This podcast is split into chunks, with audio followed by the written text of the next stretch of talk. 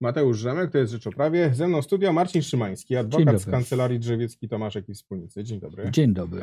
Panie mecenasie, w dzisiejszym wydaniu Rzeczpospolitej piszemy, e, opisujemy stanowisko rzecznika finansowego, który e, mówi, że banki nie powinny mieć prawa do żądania wynagrodzenia za e, korzystanie przez klientów z gotówki. Chodzi o spory z frankowiczami, o unieważnienie umów kredytowych, tak zwanych tych toksycznych kredytów. Ostatnio się pojawiło na stronie Związku Banków Polskich takie stanowisko, że poza żądaniem zwrotu gotówki banki będą się też domagały wynagrodzenia za korzystanie z tej gotówki.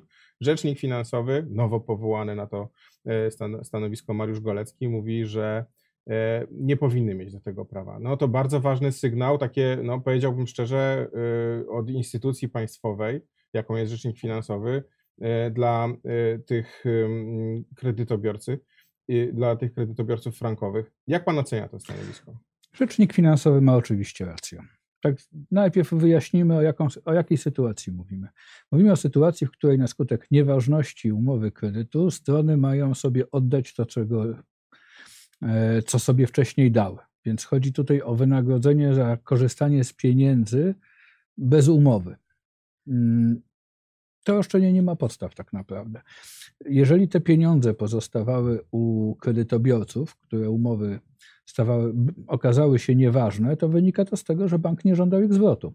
Umowa była nieważna, a zatem bank mógł domagać się zwrotu tych pieniędzy następnego dnia po ich wypłacie. Nie istniało żadne zobowiązanie, które by powstrzymywało bank od tego. Jeżeli teraz bank domaga się jakiegoś wynagrodzenia, to nie dlatego, że ktoś korzystał z jego pieniędzy, tylko z powodu własnego zaniedbania.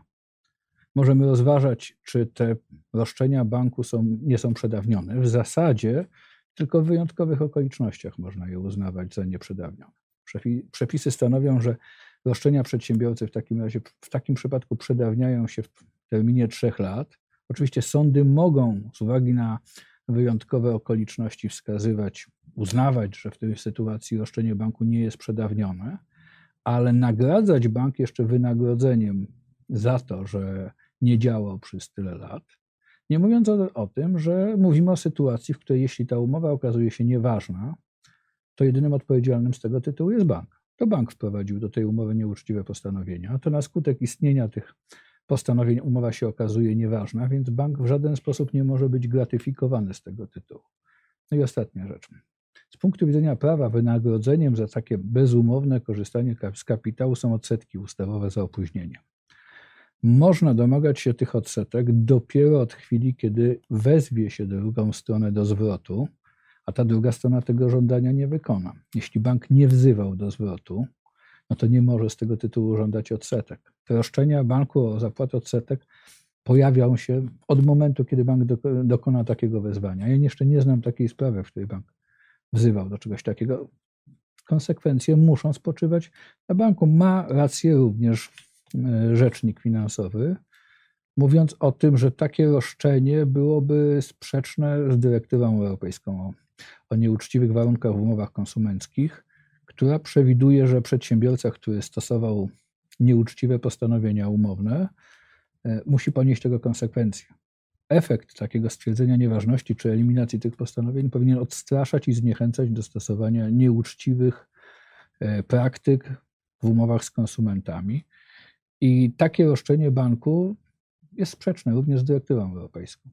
No dobrze, panie mecenasie, no, reprezentuje pan kilka tysięcy osób w sporze zbiorowym, w mm -hmm. sporach zbiorowych, bo ich jest kilka, mm -hmm. z kilkoma bankami właśnie o, w takich sprawach o e, unieważnienie tych umów kredytowych, e, kredytów walutowych. I zastanawiam się, czy widzi pan jakąś przyczynę, dla której Związek Banków Polskich takie roszczenie zwrotne w stosunku do tych klientów zgłasza. No, rzecznik finansowy mówi o, o takim, że, że Związek Banków Polskich straszy klientów tych, y, tym roszczeniem. Ja się zgadzam z tym poglądem. Myślę, że to jest pewnego rodzaju strategia przyjęta przez banki, y, która ma dwa podstawowe założenia. Pierwsze założenie jest takie, mm, przedstawianie procesów przeciwko bankom jako rzecz bardzo ryzykowną, niepewną, a, a na koniec jeszcze mogącą mieć bardzo nieprzyjemne skutki uboczne. To, zamiast zysków będzie strata. No będzie strata. Hmm. Myślę, że to ma powodować, że ludzie, którzy jeszcze nie zdecydowali się na wytoczenie powództwa przeciwko bankowi, a większość osób na taki pozew jeszcze się nie zdecydowała, żeby poczekała jeszcze miesiąc, jeszcze dwa, żeby ta decyzja zajęła im więcej czasu. Ja zresztą w strategiach procesowych banków od dawna obserwuję coś takiego, że bank stara się być trudny na każdym kroku. To jest udowadnianie powodom, że nic nie przyjdzie łatwo, po to, żeby te osoby, które jeszcze na sąd się nie zdecydowały, jeszcze nie zdecydowały się na dochodzenie swoich praw, mm, wahały się bardziej. Każdy miesiąc oczekiwania to jest potencjalnie przedawniona część albo cała rata zapłacona więcej niż 10 lat temu. Z punktu widzenia wszystkiego, co można, co można skorzystać na takiej sprawie, to jest w zasadzie niedużo. Ale jeżeli te wszystkie przedawnione raty czy części rat zbierze się razem, sumuje, to dla banków jest to dosyć duża korzyść co miesiąc w zasadzie część tego roszczenia, sumy roszczeń, które konsumenci mogą przeciwko bankom podnosić, y, zostaje przedawniona. Ja jeszcze raz powtórzę. Dla jednego konsumenta to mogą być takie kwoty, które w porównaniu z tym wszystkim, co on może zyskać, są nieduże, ale globalnie licząc dla banku to jest dosyć duża korzyść. Jeszcze jest jeden powód, dla którego myślę, że banki to robią. W chwili obecnej, po orzeczeniu Trybunału Sprawiedliwości Unii Europejskiej z 3 października, w zasadzie są dwa możliwe rozwiązania, na które sądy polskie będą musiały się zdecydować. Jeden to samo usunięcie klauzul abuzywnych, czyli to, co się popularnie nazywa odfrankowieniem i pozostawienie tego kredytu jako kredyt czysto złotowy, ale oprocentowany jak kredyt frankowy. A drugie rozwiązanie to jest nieważność. W przypadku nieważności konsument musi się w jakimś stopniu liczyć z tym, że będzie musiał zwrócić, pomimo przedawnienia, z, tym, z tą częścią kapitału, który został mu wypłacony. Bank może się powoływać na szczególne okoliczności, czy te okoliczności, które, które uniemożliwiają przedawnienie, czy te okoliczności będą uznawane przez sądy, to jest inna historia. Sądy nie wiemy, tego orzecznictwa jeszcze natomiast nie ma utrwalonego, natomiast z tym liczyć się należy. Dodatkowe roszczenia, które banki e, podnoszą, to wynagrodzenie e, za korzystanie z kapitału ma czynić tego rodzaju pozew mniej opłacalny, a może nawet dla niektórych osób e, potencjalnie groźne mają być te konsekwencje. To ma skłonić konsumentów, poza tym, że część się zawaha, do tego, żeby w ostatniej chwili być może zgodzili się na to, co TSUE powiedział, że jest możliwe tylko za zgodą konsumenta, czyli naprawianie tej umowy i zastąpienie nieuczciwej klauzuli czymś innym. Myślę, że banki liczą na to, że jeśli skutecznie przestraszą część konsumentów, zwłaszcza konsumentów, którzy zdecydują się na powództwo bez pomocy prawnej, bez prawnika, który im wytłumaczy, jakie naprawdę te konsekwencje mogą być, to ci ludzie, te osoby mogą się w ostatniej chwili zgodzić na takie naprawianie, w zasadzie cudzysłów byłby właściwy, umowy, które jest dużo bardziej korzystniejsze dla banku niż proste stwierdzenie nieważności. No ale już nie oszukujmy się, że taka ugoda też byłaby załatwieniem takiej sprawy, wyjście z konfliktu, pójście naprzód. No może to też niekoniecznie byłoby niekorzystne dla klienta jest dużo mniej korzystne niż to, co on może uzyskać, okay, jeśli no. sąd zastosuje po prostu to, co wynika z wyroku Trybunału Sprawiedliwości jeśli. Unii Europejskiej. No jest jeszcze ryzyko procesowe, no bo każdy sąd ma prawo orzec, każdy sędzia orzeka zgodnie ze swoim sumieniem i jeden orzeknie tak, a drugi inaczej. Ja myślę, że to orzecznictwo z czasem, po jakimś okresie niepewności, będzie już w pełni zgodne z orzeczeniem Trybunału Sprawiedliwości Unii Europejskiej. Celem Celem takiego orzeczenia jest ujednolicenie orzecznictwa we wszystkich krajach Unii Europejskiej. I ja nie chcę sobie nawet wyobrażać możliwości, żeby konsumenci w Polsce korzystali z mniejszej ochrony aniżeli w innych krajach Unii Europejskiej. Okej, okay. panie mecenasie, rzecznik finansowy y, y, we wspomnianym wywiadzie dla dziennika Rzeczpospolita, który publikujemy w dzisiejszej gazecie, E, wspomina także o całym pakiecie rozwiązań, które zaproponuje w najbliższym czasie. Pakiecie rozwiązań dla właśnie tych kredytobiorców frankowych. Co mogłoby się Pańskim zdaniem znaleźć w takim pakiecie? Że, no, rozumiem, że chodzi tutaj o, no, jakby idąc tym, patrząc na wypowiedzi rzecznika, no to będzie to raczej pakiet stanowiący pomoc dla nich w sporach z bankami. Znaczy, poza tym, co do tej pory było robione, a tu trzeba powiedzieć, że zarówno rzecznik finansowy, do chwili obecnej, podobnie jak Urząd Ochrony Konkurencji i Konsumentów, podobnie jak Rzecznik Praw Obywatelskich, udzielali nam pewnej pomocy. Jeżeli chodzi o Rzecznika Finansowego i WOKIK, w bardzo wielu sprawach, a w każdym razie w każdej sprawie, gdzie sąd się na to zgodził, albo strona e, zgodził się na taką inicjatywę konsumenta, instytucje te składały istotne poglądy w sprawach, które były bardzo pomagały i myślę, że wywarły wpływ na orzecznictwo, na tych sędziów, którzy nie byli pewni, jak pewne przepisy rozumieć, czy naprawdę konsumentom należy udzielić takiej ochrony. To pomagało. E, myślę, że trzeba wspomnieć także o inicjatywie Rzecznika Praw Obywatelskich, który w całej Polsce organizował spotkania z kredytobiorcami, udzielając pewnych rad, jak do tego się zabrać, jak, jak się przygotować do tej sprawy, jak, jak ocenić nawet, czy, czy należy szukać pomocy. To też była działalność, która bardzo pomogła. Od pewnego czasu przy Rzeczniku Praw Obywatelskich działa również forum eksperckie dla spraw konsumentów, które też stanowi jakąś, jakieś miejsce, które może pomagać. Okay, panie Wracając do, do, do tego, co Pan pytał, do Rzecznika Finansowego. Ja myślę, że widzę to na dalej istotne poglądy. Po drugie, myślę, że spotkania z konsumentami, które pomogą im się przygotować do procesu, kiedy oni jeszcze nie wiedzą, czy pójdą do adwokata, czy pójdą do radcy prawnego i tam zasięgną pomocy. Trzecia rzecz to, o czym również rzecznik finansowy wspomniał, to inicjatywa występowania do Sądu Najwyższego o wydawanie uchwał, które by ujednolicały orzecznictwo.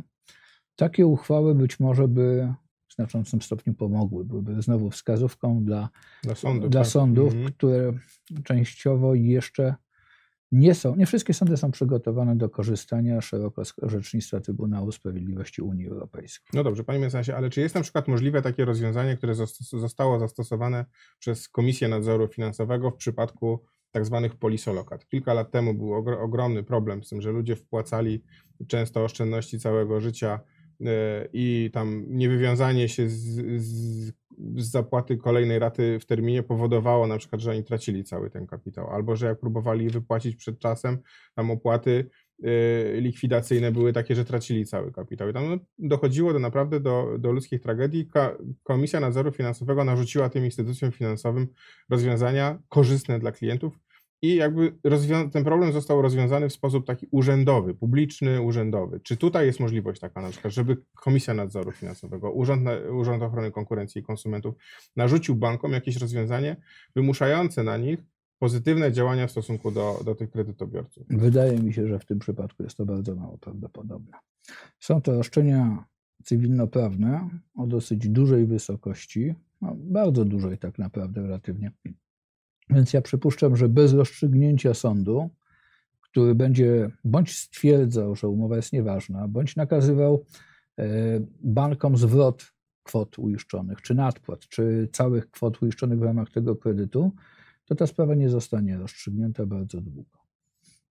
Myślę, że w tym przypadku poza, poza rozstrzygnięciem władzy sądowniczej to innego to innego zakończenia ta sprawa nie znajdzie. No ale problem polega też na tym, że do sądów odwołało się obecnie tam, nie wiem, kilkanaście, kilkadziesiąt tysięcy osób, a, a cały ten rynek tych kredytów frankowych idzie tam, liczy się, podejrzewam, tam w, pewnie w, w, milionach takich umów. No, powiedzmy sobie niecały milion był ich, prawie milion mhm. takich umów był w Polsce. E, z tego w sądach znalazło się kilka, kilkanaście procent do tej pory, włączając pozwy zbiorowe. No a to, co z pozostałymi w takim razie? No jeżeli ja, się nie odwołają do sądu, no to nie myślę, rozwiążą tego. Myślę, że nie rozwiążą tego. Myślę, że trudno mi sobie wyobrazić takie rozstrzygnięcie administracyjne, które będzie rozstrzygało tą sprawę w całości. Gdyby była jakaś ustawa, która by to załatwiała w sposób połowiczny, no to zgodnie z orzecznictwem TSUO nie mogłaby ona odcinać drogi do sądu tym, którzy uważaliby, że należy im się tyle, ile wynika z dyrektywy europejskiej. Więc tak realnie rzecz, mm, realnie na rzecz patrząc, administracyjnego zakończenia tej historii raczej nie oczekuję. Wydaje mi się, że to jest po prostu trudne do, do, do wyobrażenia. No ale było już na przykład kilka przymiarek ustawowych do tego, jak załatwić problem tych kredytów bankowych. Były, o ile ja dobrze pamiętam, dwie albo trzy tego rodzaju przymiarki. Wszystkie tak naprawdę zajmowały się kwestiami wzrostu kursu franka, nie kwestią nieuczciwości postanowień umownych zawartych, który to temat w zasadzie był troszeczkę w nich pomijany.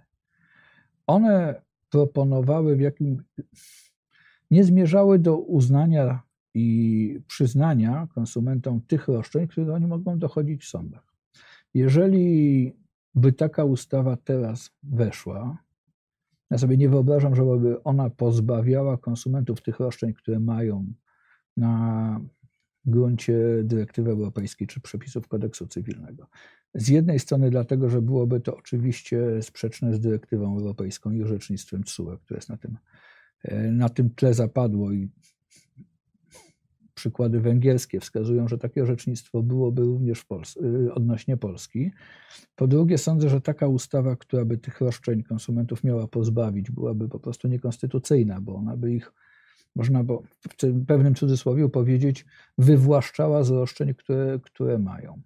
Więc przypuszczam, że po sytuacji, jakiej jesteśmy, to jakaś część konsumentów być może by na takie rozwiązanie poszła, ale większość już nie, wiedząc, że ustawa oferuje im znacznie mniej. I idąc do sądu mogą zyskać więcej. więcej. Mimo wszystko, mhm. zwłaszcza, że sytuacja jest taka, gdyby taka ustawa w Polsce pojawiła się lat temu 6, 7, a tak naprawdę najlepiej, gdyby ona się pojawiła gdzieś w 2011. W 2011 mieliśmy próbę zrobienia czegoś, ustawa antyspreadowa, która była, nawet nie powiem, że połowicznym. Ona ona właściwie dotykała tylko powierzchni całego problemu, ale gdyby wtedy z, ktoś podszedł do tego zagadnienia w sposób bardziej poważny, e, to do tego wszystkiego, do czego dzisiaj doszło, być może by nie musiało dochodzić. Problem być może nie byłby taki duży. Ja bym zwrócił uwagę na jedną rzecz. Jeśli chodzi o nieuczciwość tych postanowień, które stosowały banki, które umożliwiały im wyznaczanie kursu waluty na potrzeby indeksacji kredytu wedle swojej woli, swojej woli to KNF zwraca uwagę na nieprawidłowość takiej praktyki w 2006 i 2008 roku. W 2009 roku zwracał bankom uwagę na nieprawidłowość takiej praktyki WOKIK. E, w 2010 roku zaczęły zapadać pierwsze wyroki Sądu Ochrony Konkurencji i Konsumentów. To był moment, w którym być może jakieś ustawowe rozwiązanie mm, usatysfakcjonowałoby stronę.